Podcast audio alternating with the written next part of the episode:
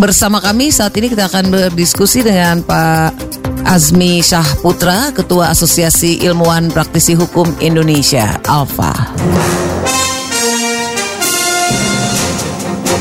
Pak Azmi, kita mau ngobrolin soal aksi premanisme itu ya? Ya, Premanisme dan perselisihan antar kelompok baru-baru ini kan kembali menjadi perhatian publik, Pak Azmi. baik. Gimana Anda mencermati fenomena premanisme ini yang seakan tidak ada matinya di Indonesia? Ya, eh, premanisme ini kan memang sejak kita ada peradaban selalu ada memang ya perkembangan manusia, globalisasi dan di mana pun. Kalau tidak hanya di Indonesia gitu loh mbak kan yang biasa dikenal dengan mafia, al capone dan segala macam juga sebuah contoh malah kan difilmkan dan setiap daerah-daerah itu kadang memang terbentuk dari ada keinginan yang sama, kesamaan eh, ruang lingkup ya kan kira-kira begitu mereka akhirnya menyatu gitu loh. Iya. Ini memang ada dalam masyarakat. Terkadang dia malah bisa menjadi kelompok penekan tanda petik ya mbak. Kelompok penekan karena uh, arahnya bentuknya biasanya ancaman, kekerasan, mainnya penganiayaan gitu loh kira-kira ini mbak. Dan itu Karena orang takut ya, jadi dia mengancam ya. Iya, biasanya ya macam-macam bentuknya itu kan dari takut ya, yang secara personal, tapi juga kadang bisa masuk bisnis, jadi mafia, jadi penyeludup dan segala macam dan berani melakukan perlawanan-perlawanan terhadap aparat, nggak di laut, nggak di darat. Ini memang ada kelompok ini, Mbak Nadia. Eh, tapi praktek-praktek semacam gangster, premanisme ini kan ancaman nyata bagi kedaulatan negara hukum yang juga mengganggu Kamtipmas, bukan Pak Azmi?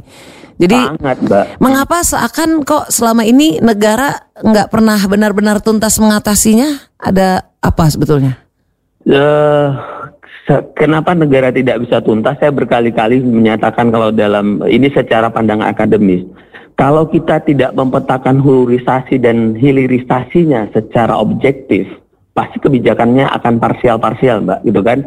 Ada dadakan, akhirnya reaktif. Jadi ini kita memang harus, saya setuju dengan Pak Kapolri kemarin ada kalimatnya, kita tetap maju ke depan, meluruskan kebenaran, tidak ada ruang bagi preman. Sepanjang memang aparat negara, katakanlah Polri hari ini yang memang diberikan amanah untuk itu, berani satu klik gitu ya, satu klik ya ini tuntas mbak gitu loh. Sewaktu negara tidak satu klik ya kan, apa yang diperintahkan pimpinannya tapi tidak terlaksana di bawah, tidak teroperasional, ini yang menjadi masalah, ada sumbatan.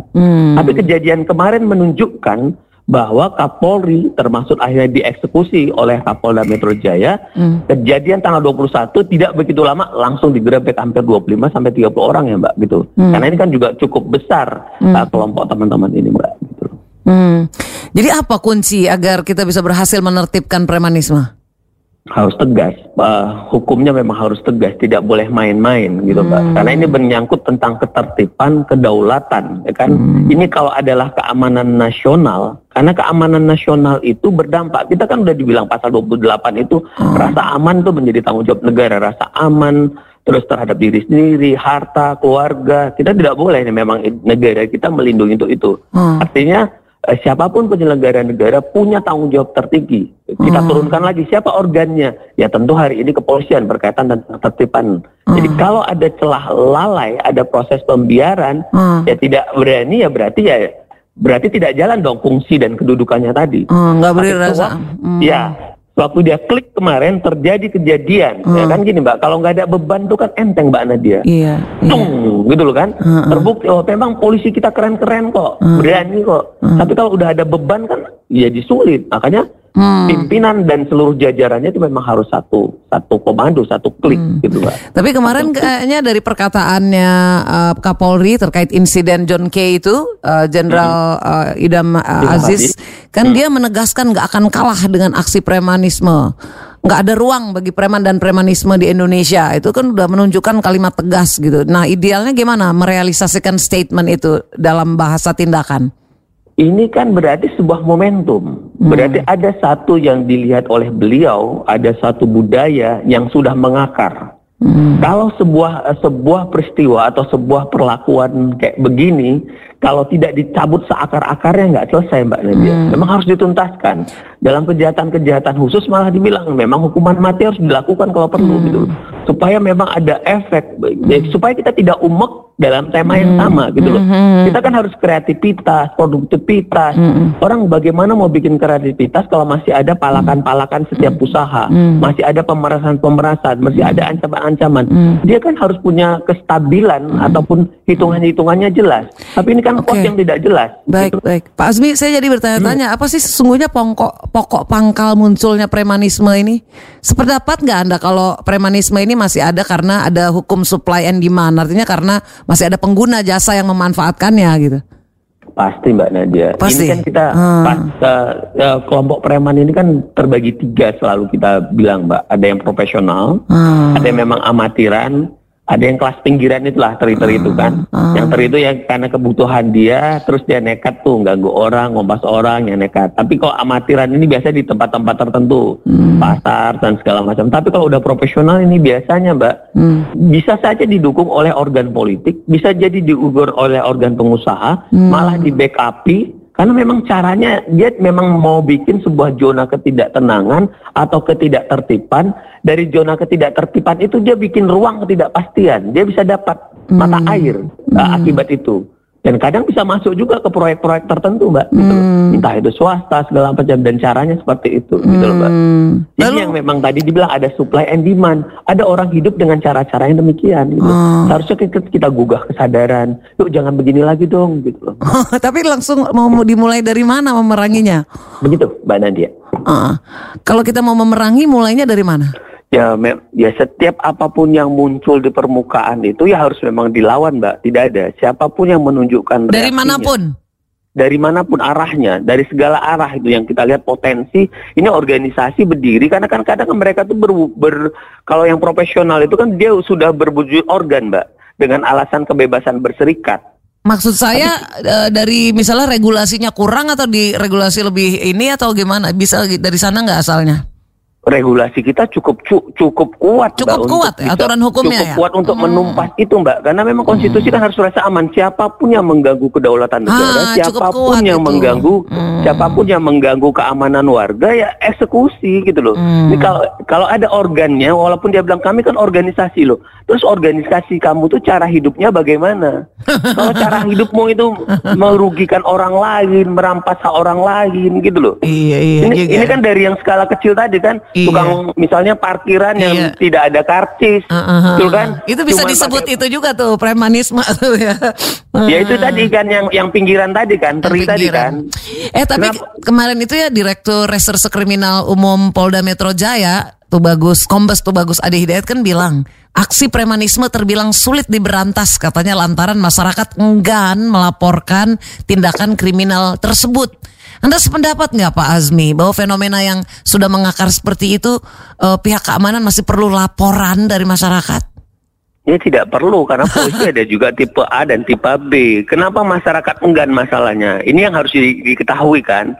Karena masyarakat itu kadang lelah, capek dari habis nanti dari tingkat ini udah dilakukan penyelidikan terus naik lagi karena sistem peradilan kita kan begitu. Jadi saksi nanti sampai kepada pengadilan bisa empat bulan terus umek dan dia bisa bias gitu loh. Hmm.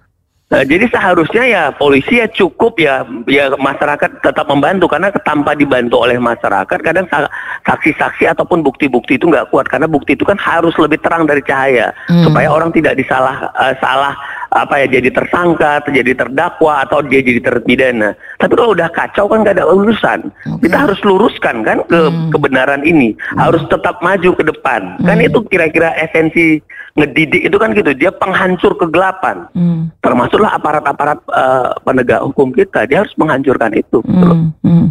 Apa sih tantangan terberat kita memeranginya mengingat premanisme soalnya masih terus tumbuh. Bahkan kabarnya tadi ada ada yang sengaja juga memeliharanya tantangan terberat kita di, di aspek mananya sih sebetulnya polisinya sudah cukup tegas kayaknya polisi tapi tadi ada bilang tipe-tipe ya kok polisi ada ada B Uh, tipe tipe A tipe B itu maksudnya laporan laporannya mbak. Jadi kan ada yang memang A itu polisi yang mengungkap.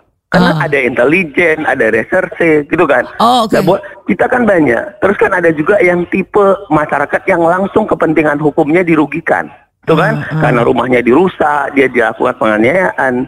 Jadi eh, keistimewaan polisi kita itu dikasih itu gitu loh. Dia juga bisa mengungkap. Itulah ada intelijen, ada reserse. Jadi mereka bisa mengungkap tidak harus terjadi gitu loh. Oh, oke oke. Seharusnya dia udah punya power ya polisi itu Itu ya. sangat punya power siapa pun ini yang mengganggu kan lihat ini ini jalan-jalan muter ngapain dari macam-macam itu dari pak ogahnya karena kalau kita biarkan kecil-kecil itulah akhirnya dia makin ketagihan terus akhirnya ya terus. Ngangkat sampai gede nanti kelasnya ngangkat ya. sampai gede kelasnya gitu loh. Karena akan ada pembiaran. Seharusnya kita tumpas. Inilah momentum kita sambut pesan Pak Kapolri kemarin. Hmm, berarti kan udah gerah ini. Kalau orang udah gerah ya ah, kita habisin aja seakar-akarnya. Iya, iya, mumpung Pak Kapolrinya tegas. Hmm. dan anggo- anggota pasti berani. Cukup kok gitu loh, Mbak. Nadia Hmm. Kalau membayangkan eh, Al Capone kisahnya Godfather itu dia berlangsung lama banget bisa jadi preman itu dan lama juga penanggulangannya itu kan ada eh, eh, udang di balik batu loh dengan para penyelenggara dan para eh, apa namanya eh, penegak hukum di sana kan di negaranya. Ke- Kemungkinan Sekarang- ju- kemungkinan di sini juga bisa begitu ya. Iya kalau saya tidak pakai lagi udang di balik batu ada sayur di balik bakwan gitu loh Mbak Oh, lebih gede ya. Hmm. ada sayur di balik bakwan tapi gini sepanjang yang paling mahal ini kan adalah kemauan Mbak Nadia Mm-mm. Sewaktu eh, sewaktu kita tidak punya kemauan yang sama, jadi frekuensi yang nggak sama kan sulit Mbak Nadia. Mungkin godaannya terlalu besar bisa nggak Pak Azmi? Pasti dong, karena sesuatu ini kan ada tantangan, akhirnya jadi tentengan, merubah PR jadi RP. Nah itu yang aku mau, mau sampaikan juga tadi. Kalau karena aku membayangkan langsung muter film nih di kepala aku ketika Pak Azmi cerita. Gimana eh, punya power kuat sekali padahal justru power itu malah nggak digunakan untuk menghancurkan itu gara-gara tadi bukan masalah ke, ya nggak karena nggak mau tadi ya. Karena masih banyak hal yang lebih menarik perhatian dia daripada menumpas gitu. Bisa jadi ya Pak Azmi. Ta- Tapi kan kita sering sekali sudah melihat sejarah yang banyak. Sewaktu itu yang jadi tujuan dia, misalnya yang salah tadi, dia akan dihancurkan dengan tujuan yang dia capai tadi. Makanya perlu kekuasaan yang lebih besar dan lebih tinggi lagi kan dalam menghapus itu betul ya? lebih tinggi dan perlu kemuliaan. Jadi kalau setiap orang, kalau dia adalah profesi hukum ataupun yang bersumpah siapa pun pekerjaan yang mau dikejar itu kan adalah kemuliaan, keberkahan. Dari kemuliaan itu kan nanti akan dapat rezeki-rezeki yang berkah memberkahi. Tapi kalau dia udah putar akhirnya menjadi nafsu, ya jabatan itulah yang nanti yang akan menghancurkan dia dan menenggelamkan dia. Iya. Sampai Apa pun apa yang kurang gitu loh. Iya, Nah, di iya. sini kan kita bisa belajar gitu loh. Ya sudahlah, ini kita sudah banyak. Tapi kan sering sekali manusia itu tidak mau tersadar gitu loh, Mbak Nadia. itu dia. Maka Berarti ini sekat sekatnya kita kan cara pikir dia, cara pandang dia, cara hidup dia. Maka kita perlu ya kan itulah pendidik guru yang penghancur kegelapan tadi masuk. Persis. Ini lebih enak smooth gitu loh dari kita nih edukasi, media, Iya. pers segala macam kan. Iya. Ya makanya dibilang mencerdaskan kehidupan bangsa. Yes. Keadilan sosial bukan keadilan individual. Mencerdaskan kehidupan bangsa loh Nadia. Wih, Kembali. luar biasa. Iya Ya kan? kembali ke sana konstitusi. Wah ini kayaknya kapan-kapan mesti diskusi sama Pak Asmi lagi nih ya ngomongin Ah, soal asik. masalah konstitusi sering banget banyak yang kita mengangkat itu loh, mengangkat kecerdasan beras. bahkan idola ada ada eh, mengaplikasikan konstitusi loh mencerdaskan kehidupan bangsa. Iya dong, mencerdaskan kehidupan bangsa dan keadilan sosial bukan keadilan individual. Persis. Oke. Ya kan? Mungkin eh, yang bisa masyarakat lakukan lainnya adalah kalau saya bilang berdoa ya, semoga dapat hidayah dari Tuhan yang Maha Esa. Oh, bukan Mbak, kita perlu kerjasama dan kesadaran. Pemerintah ini juga tidak bisa sendiri Mbak. Yang paling penting itu kan pemerintah harus jadi teladan, masyarakat merasa ada kepercayaan. Tapi sewaktu pemerintah dan organ itu melakukan kecewaan, lama-lama kan menipis rasa kepercayaan masyarakat. Hmm. Namun meskipun demikian, statement Pak Kapolri kemarin ini jadi momentum, jadi Oke. api pembakar semangat Siap. buat menghanguskan ini supaya kita tidak umek dengan tema ini aja Mbak. Oke. Tiga per empat tahun bangsa ini kok ceritanya cuma ini aja. Mhm. Yuk kita lebih kreatif, maju untuk mencapai tujuan bangsa itu. Iya. Mudah-mudahan premanisme bisa kita habis. Yuk kita belajar kreatif, sekolah, mereka lebih sekolah, kita kasih edukasi. Ya insya Allah bangsa ini lebih kreatif dan produktif. Ah, baiklah. Luar biasa Pak Azmi Saputra. Terima kasih banyak Pak Azmi. Sama-sama Mbak Nadia. Sampai ketemu lagi ya. Oke. Sama-sama Mbak Nadia, terima kasih. Salam buat teman-teman di Balikpapan dan Radio Idola. Siap, siap. Ketua Asosiasi Ilmuwan Praktisi Hukum Indonesia Alfa, juga pengamat hukum pidana dari Universitas Bung Karno Jakarta, Asmi Saputra.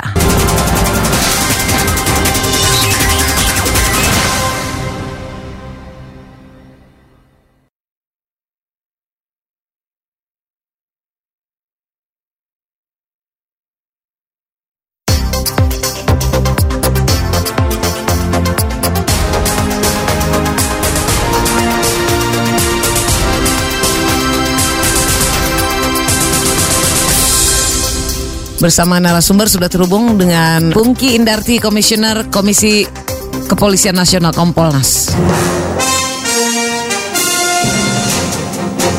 Bu Pungki, gimana Kompolnas uh, melihat aksi premanisme dan perselisihan antar kelompok yang baru-baru ini kembali terjadi Iya. menjadi perhatian publik nih. Ini Iya. uh, gimana sih Anda mencermati fenomena premanisme ini? Mhm. Ya, eh, kalau premanisme itu memang sudah lama kan, Mbak, dan eh, ini berkembang eh, akhir-akhir ini itu karena ya memang ada perebutan-perebutan eh, Hmm. Apa ya, mungkin ada perebutan ekonomi atau perebutan em, Oke. bagian-bagian gitu-gitu Hmm. yang mereka butuhkan tapi ternyata nggak sesuai dengan ini. Ah, intinya eh, masalah premanisme memang masalah kekerasan sebetulnya. Iya. Nah, eh, rebutan lahan dan sebagainya. Nah, eh, hal ini memang eh, bisa dicegah atau bisa ditindak tegas gitu ya. Nah, kalau bisa dicegah itu untuk yang masa akan datang, tapi ditindak tegas itu Hmm. pada masa saat ini. Karena masyarakat kan udah trauma dan udah empet Iya. Gitu ya ngelihat eh, preman-preman Iya. berkuasa model seperti Ini itu. kayak semacam apa namanya gangster premanisme kan jadi Iya. ancaman nyata bagi Kamtipmas. Ah, ah, ah. Kenapa kalau- betul. menurut Anda kenapa negara nggak pernah pernah eh, benar-benar tuntas mengatasinya? Betul. Em, sebetulnya kalau saya melihat eh, dari upaya-upaya yang dilakukan oleh Polri, eh, mereka sudah mencoba melakukan segala macam cara eh, tindakan untuk eh, mencegah premanisme ini muncul atau premanisme berkembang atau premanisme tetap seperti ini kondisi seperti ini eh, mencoba untuk diubah. Akan tetapi memang ada banyak faktor, Mbak Hmm. banyak faktor yang eh, pengen mempertahankan kondisi eh, bahwa preman-preman ini masih tetap ada seperti sekarang ini. Hmm. Eh, misalnya kelompok-kelompok eh, yang memang membutuhkan jasa preman untuk eh, kelancaran bisnis-bisnis mereka, misalnya. Hmm. Atau eh, kelompok-kelompok eh, yang ada kaitannya dengan afiliasi politik, misalnya Hmm. seperti itu. Nah, eh, oleh karena itu polisi harus eh, menggunakan berbagai macam cara Hmm. eh, untuk bisa mencegah, misalnya cara-cara preventif. Nah, bagaimana caranya? Misalnya Hmm. eh, polisi memberikan eh, edukasi kepada masyarakat Iya. eh, untuk eh, tidak menoleransi premanisme. Artinya kalau ada kelompok-kelompok seperti itu mesti harus segera dilaporkan pada Oke. polisi. Oh. Nah, kemudian ada lagi upaya yang bisa dilakukan, misalnya kalau eh, apa? Ini kan kaitannya biasanya dengan kelompok yang eh, atau orang-orang yang berkuasa punya uang, tapi kemudian eh, apa? Orang-orang yang direkrut ini yang tidak berpendidikan, yang butuh eh, duit dan sebagainya. Nah, oleh karena itu eh, bisa diajak misalnya atau bisa dibina untuk supaya eh, mereka di encourage untuk bisa dapat pekerjaan, di Oh. encourage untuk bisa dapat penghasilan sehingga kalau sudah ada seperti itu ya tetap Oke. apa namanya ya Berarti nggak preventif tertarik edukasi preman. preventif Hmm, edukasi ke masyarakat itu ya pertama. ya. Mm. Kemudian ada langkah yang lain. Yang kedua, Hah? eh, encourage untuk supaya eh, orang-orang ini bisa mendapat pekerjaan. Oke. Kemudian eh, dengan mendapat pekerjaan maka ya dia nggak akan ganggu-ganggu lagi gitu. Pekerjaan Hmm. saya pekerjaan yang halal seperti itu. Tapi kun- kuncinya apa Bu untuk berhasil menertibkan dari yang mana dulu yang atas yang pihak yang punya uang atau yang bawah? Eh, dari dukungan masyarakat itu sangat dibutuhkan. Nah, Dukungan masyarakat. itu, Hmm. mengajak masyarakat untuk bersama-sama gitu ya, eh, yang orang-orang yang misalnya nggak ada pekerjaan atau apa, ya eh, bisa diarahkan Hmm. untuk bisa diberi pekerjaan. Iya, Terus iya, iya, kemudian iya. juga eh, diajak untuk bisa bersosialisasi dengan masyarakat gitu, sehingga Ah. itu juga mengubah mindset mereka. Hmm. Mereka dalam artian si preman-preman ini gitu Hmm, hmm, hmm. untuk eh, apa kembali menjadi dia sadar bahwa dia adalah bagian dari masyarakat. kembali ke Dia- jalan yang ya benar udah. gitu ya. Nggak- Jadi edukasi ini meng- lagi. menguatkan karakter untuk nggak terpengaruh dan nggak Betul. tergoda dengan godaan uang, de- tapi demi eh, malah meng- me- melanggar keamanan ketertiban. Betul. Nah kemarin itu Direktur Reserse Kriminal Umum Polda Metro Jaya Kombes Tubagus Ade Hidayat bilang aksi premanisme ini terbilang sulit diberantas lantaran masyarakat enggan melaporkan tindakan kriminal. Dia bilang aparat kepolisian bisa melakukan penindakan terhadap para preman itu apabila ada laporan masyarakat. Nah, jadi Anda sependapat bahwa sebetulnya kan fenomena yang sudah mengakar seperti ini kan harusnya pihak keamanan kan masih apakah masih perlu laporan dari masyarakat? Uh, uh. Nah, selain itu juga uh, misalnya bekerja sama dengan uh, pemerintah daerah itu dipasang menjadi uh, smart city gitu ya. Jadi CCTV di mana-mana, terus kemudian hmm. uh, komunikasi koneksi saling terhubung, ada hmm. aplikasi-aplikasi yang uh, sudah di apa uh, di-create oleh uh, kepolisian itu masyarakat bisa berpartisipasi di situ. Saya hmm. rasa itu bisa membantu yeah, gitu yeah, ya. Yeah. Uh, uh, jadi terhubung uh, okay. terkonek uh, dengan uh, sistem keamanan yang baik dan itu juga mendapat dukungan masyarakat, iya. uh, saya rasa polisi juga uh, akan lebih mudah lebih mudah uh, ya dalam melaksanakan hmm. uh, tugasnya untuk Oke. Okay. Uh, Kemarin betul ya. betul betul Kapolri kan menegaskan nggak akan kalah dengan aksi ya. premanisme nggak ada ya. ruang itu kan sebetulnya pernyataan tersebut bisa jadikan momentum sekarang untuk ke, ke, polisi makin powerful gitu. Betul. Nah, kami mendukung itu. Uh, uh, artinya negara uh, memang nggak boleh kalah dengan premanisme uh, seperti itu. Nah, uh, tetapi juga uh, patroli-patroli uh, keamanan itu mesti harus sering dilakukan gitu ya. Jadi jangan sampai patroli hanya karena kalau ada kejadian misalnya. Jadi mesti harus rutin karena memang uh, polisi kan uh, tugasnya untuk menjaga harga mas seperti itu. Sudah melakukan gitu. belum sih patroli itu terschedule ya Bu ya? Iya, hmm. harusnya setiap hari sering dan hmm. kemudian menyapa masyarakat seperti itu. Hmm. Nah.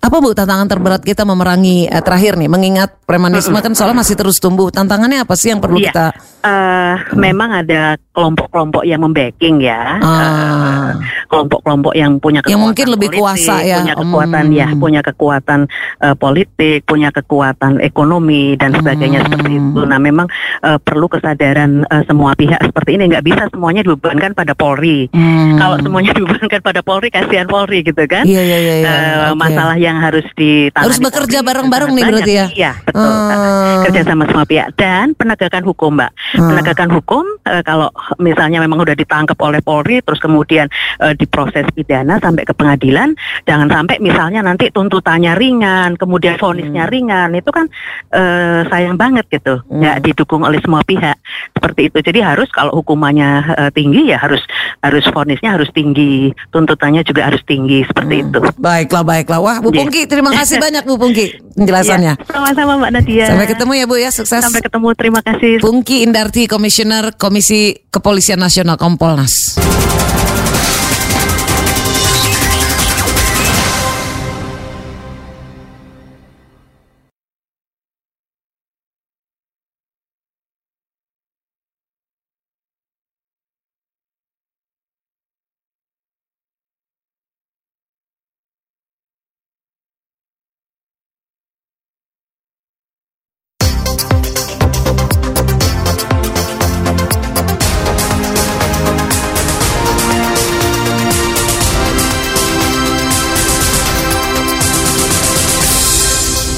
Bersama narasumber sudah terhubung dengan peneliti dari The Semeru Research Institute, Rido Al Izzati. Gimana Pak Rido kita mewaspadai ancaman lonjakan penduduk miskin akibat pandemi COVID-19? Kira-kira menurut Anda apa upaya mitigasi dan antisipasi yang mesti kita lakukan Pak Rido?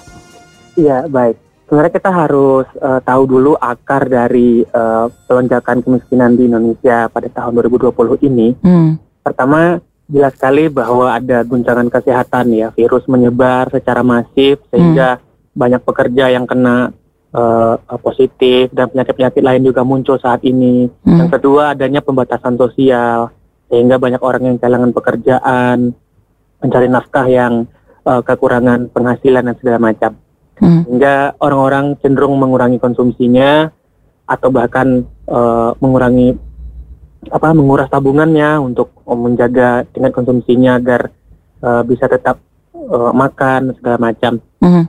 Nah, mitigasi yang jelas pertama kali adalah memperkuat layanan kesehatan. Hmm. Sehingga mengantisipasi penyebaran COVID-19 ini semakin meluas. Hmm. Sehingga ketika virus bisa diantisipasi, maka dari itu ekonomi bisa jalan lebih baik lagi, seperti normal kembali sehingga orang-orang yang tadi kehilangan pekerjaan bisa bekerja kembali. Yang Dan paling utama prioritas pertama memperkuat layanan kesehatan. Betul sekali. Hmm, Oke. Okay. Uh, eh, itu yang pertama karena itu akar dari dari okay. dari uh, permasalahan ini. Hmm. Yang kedua itu jelas sekali bahwa uh, ekonomi ini sejalan ya dengan dengan uh, apa namanya uh, pelayanan kesehatan.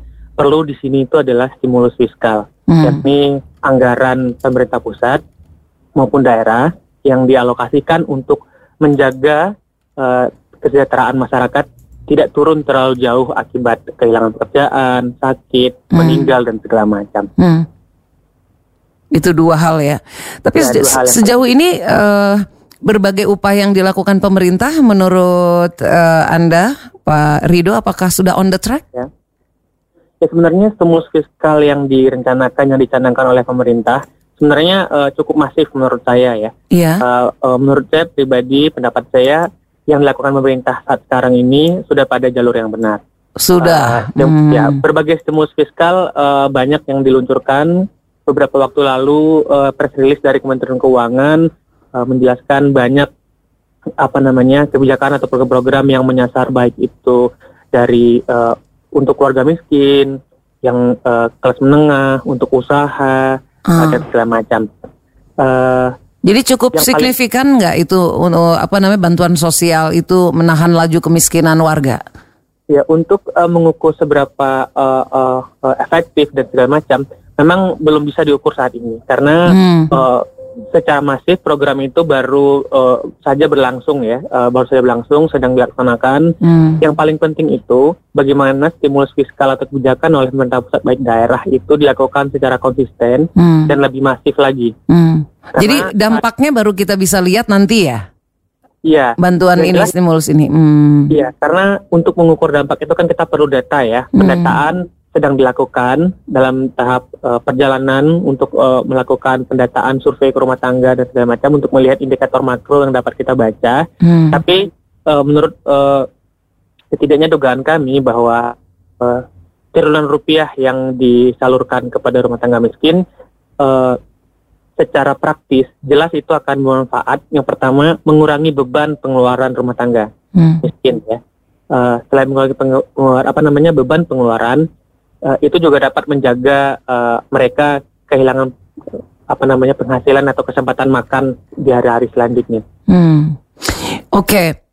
Nah, jadi apa saja yang patut diperhatikan pemerintah, Pak Rido, agar betul-betul menjadi benteng bagi masyarakat berpendapatan rendah ya, agar tidak tergelincir dalam uh, jurang kemiskinan? Nah, uh, saat ini menjadi penting untuk diperhatikan bahwa eh, tingkat kemiskinan kita 9,2 persen di September iya. uh, 2019. Uh, kami di Semeru mencoba mengestimasi sebenarnya kalau mengikuti proyeksi yang paling parah, mm -hmm. yakni ke pertumbuhan ekonomi hingga satu persen 2020, mm. sebenarnya proyeksi kami itu menunjukkan peningkatan kemiskinan itu hingga 12 persen sampai 13 persen. Oh. Itu berarti ada sekitar 6 eh, sampai 8 juta orang miskin baru dari hmm. yang 25 juta yang telah ada. Nah ini artinya apa? Artinya sebenarnya uh, yang yang terdampak tidak hanya orang miskin, tapi juga orang rentan miskin. Hmm. Artinya semakin luas lagi yang terdampak dari dari uh, hmm. kasus apa namanya COVID-19 ini. Hmm. Nah perlu sekali untuk uh, satu tadi ya menjaga angka positif COVID terus menurun, memperhatikan protokol kesehatan sehingga masyarakat uh, peduli bagaimana sama-sama menjaga kesehatan sama-sama. Yang kedua, stimulus fiskal itu bagaimana memperhatikan timing distribusi dari hmm. uh, penyaluran bantuan. Hmm. Karena timing itu distribusi waktu itu sama sangat berpengaruh. Ya. Semakin cepat waktu, hmm. semakin cepat rumah tangga menerima. Yang hmm. paling penting selanjutnya adalah pendataan.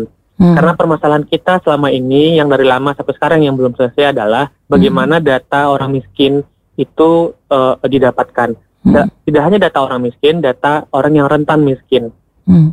Nah, uh, data ini juga tantangannya adalah sebenarnya dari pusat sudah tersedia data yang yang yang apa namanya sedemikian rupa yang bisa digunakan untuk targeting keluarga miskin dan rentan miskin di daerah. Hmm. Namun pemerintah daerah itu harus melakukan uh, update atau pembaharuan data. Hmm. Nah ternyata tidak semua kabupaten kota punya kemampuan yang sama ya dalam melakukan pembaharuan data sehingga hmm. beberapa bantuan sosial tidak tepat sasaran. Beberapa yeah. orang yang seharusnya dapat tidak dapat itu yang seharusnya tidak hmm. dapat malah mendapatkan bantuan nah ini yang perlu diperkuat uh, selanjutnya okay. terkait memperbaiki pendataan agar distribusi bantuan sosial itu bisa tepat sasaran. Hmm.